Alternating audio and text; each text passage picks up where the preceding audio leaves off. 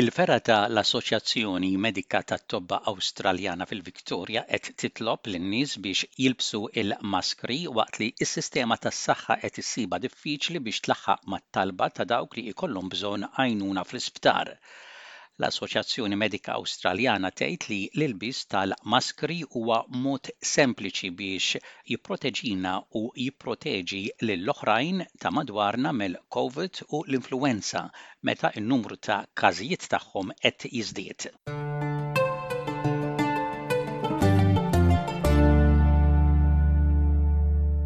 Ħafna nies ħadu pjaċir u ħadu n-nifs li fl-aħħar l-ilbies tal-maskri ma baqax ta' bilfors. Imma t-tabib Simon Judkins mill-Assoċjazzjoni Medika Awstraljana jgħid li l-ilbies tal-maskri b'mod volontarju huwa mod biex jitnaqqas it-tixrid tal-virus tal-Covid u viruses oħrajn. I just want people to understand that there's things that they can do that will decrease their risk of getting COVID and therefore also decrease the risk of them passing that infection onto other people, you know, their family members, their kids, their grandparents. Because uh, as I know, COVID, as we know, COVID is still putting people in hospital and people are still dying because of COVID.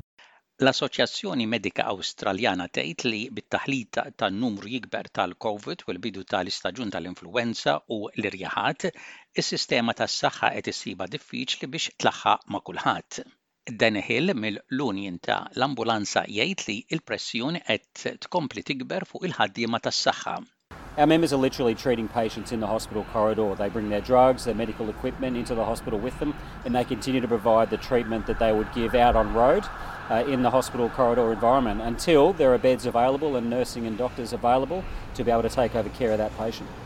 U waqt li l-Assoċjazzjoni Medika Awstraljana miex qed titlob li l-ilbis tal-maskri jkun ta' bil-fors, It-Tabib Judkins jgħid li dan huwa pass sempliċi li jista' jieħu kulħadd biex titnaqqas il-pressjoni fuq il-ħaddiema tal-kura tas-saħħa.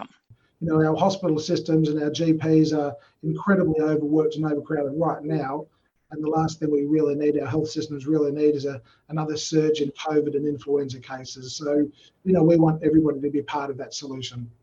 Il-Premier ta' Victoria, Daniel Andrews jgħid li l-Gvern m'għandux pjanijiet li jintroduċi mill-ġdid l-ilbies tal-maskri bil-fors. The Act, the law, of our state vests those powers with the Health Minister but I don't believe, and he would only ever do that based on advice and I don't believe he has advice to do that. L-ilbies tal-maskri jibqa' ta' bilfors fl-isptarijiet u f'sistemi tal-kura tas-saħħa u fuq it-trasport pubbliku. L-epidimoloġista il-Professur Nancy Baxter tgħid li waqt li l-ilbies tal-maskri huwa importanti, li tieħu t-tilqimiet u l-boosters li jkollok bżonn jgħinu wkoll biex tnaqqas il-periklu li jkollok bżonn tmur l-isptar. If we got everybody boosted, it would really reduce the number of people who are getting sick from COVID. And that's really important in terms of the healthcare system. Getting everyone that's eligible for the booster, the booster, and those that are eligible for the winter dose, the winter dose, will have a uh, impact, a definite impact on the number of people who are seriously ill. Il-messaġġ l-ieħor importanti li l-professjonisti tas-saħħa jridu jwasslu lill-pubbliku huwa li l-virus għadu magħna u ser jibqa' magħna għal xi żmien. We need to remind people that, you know, unlike Elvis, Covid has not left the building. You know, Covid is still with us and it's probably, you know, the case numbers we're seeing now are as high as they've, you know, they've been in a long time.